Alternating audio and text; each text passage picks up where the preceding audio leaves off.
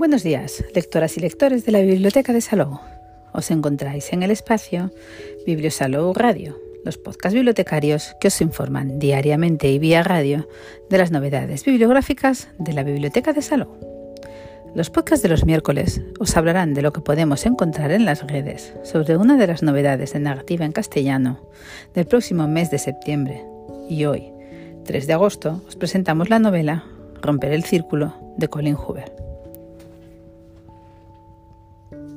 En la reseña de la contraportada podréis leer, a veces quien más te quiere es quien más daño te hace. Lily no siempre lo ha tenido fácil, por eso nunca le ha impedido luchar por la vida que quiere y ha recorrido un largo camino para llegar donde está ahora. Su vida comienza a cambiar el día que Kyle Kincaid, el extraordinario neurocirujano, se fija en ella.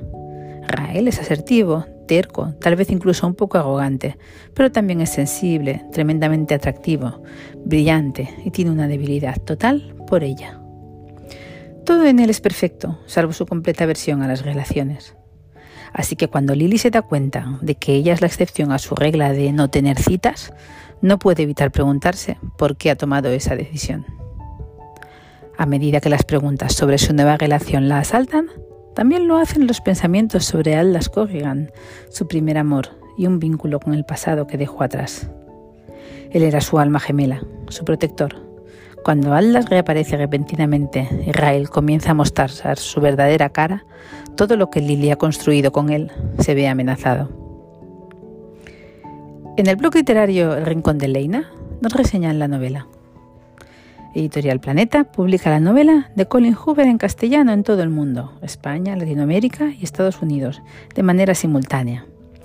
La historia que ha marcado a una generación de jóvenes lectores en Internet, el gran fenómeno de TikTok, más de 1.500 millones de visualizaciones, más de 50 semanas entre los más vendidos en Estados Unidos. No sé hasta qué punto sabéis sobre este libro, pero no quiero desvelar mucho de la trama ni de los personajes para no chafaros la experiencia. Lo que he leído de Colin Hoover me ha gustado, aunque considero que a veces se excede en el drama. Sin embargo, no me parece el caso de este libro. No sé si iba condicionada por el resto de las obras de la autora o por las reseñas, pero me parece que lo trágico de la historia está en su justa medida, sin exagerar. ¿Hay momentos tristes? Sí, duros, por supuesto, bonitos, también. Podríamos decir que hasta más o menos la mitad nos encontramos ante una novela no romántica. Recomiendo que disfrutéis de cada parte del proceso, tanto cuando nos narran una historia de amor como cuando la trama se convierte en otra cosa. Lily es una protagonista independiente, resuelta y decidida. Su sueño siempre fue montar su propia floristería. Por un lado tenemos a Atlas, su primer amor, con el que vivió una relación muy intensa, y por otro a Riley, su interés amoroso actual. Ambos son muy distintos. El libro alterna durante casi la mitad de la obra los acontecimientos presentes con flashbacks al pasado, a través de cartas que la propia Lily escribió. Me gustó mucho este vistazo a años atrás que, desglosado poco a poco, ayuda a entender al elenco y a conocer su historia. La narración de Colin Hoover es una maravilla. No solo resulta ágil y fluida, sino que esta autora sabe reflejar con elegancia, a la vez que crudeza, las situaciones que tienen lugar. Maneja muy bien los sentimientos y describe las emociones de tal forma que resulta muy fácil ponerse en la piel de nuestra protagonista. Este es un libro que he disfrutado. Primero estaba muy living con el salseo, más romántico y ligero. Después me podía el enganche por seguir leyendo, para saber cómo se desarrollaría todo. ¿Y qué sabemos de la autora? Colin Hoover empezó a escribir a los cinco años.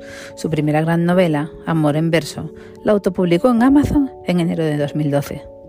En mayo estaba ya en la lista de más vendidos del New York Times y desde ese momento Colin no ha parado de crecer y escribir y cuenta con el reconocimiento y apoyo incondicional de sus fans.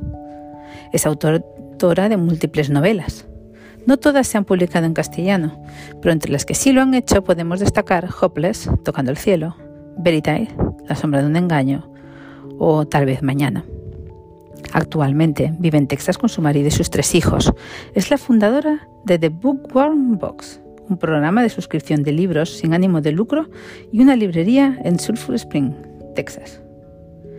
Y si aún no conocíais a la autora y la queréis ir conociendo mientras esperáis las novedades del mes, en la biblioteca os podemos facilitar toda su obra en castellano y alguna original. Y hasta aquí el podcast de hoy, pero tenemos más novedades de narrativa en castellano que iremos descubriendo cada miércoles a las 11. Que tengáis muy buen día y muy buenas lecturas que os acompañen en el día a día.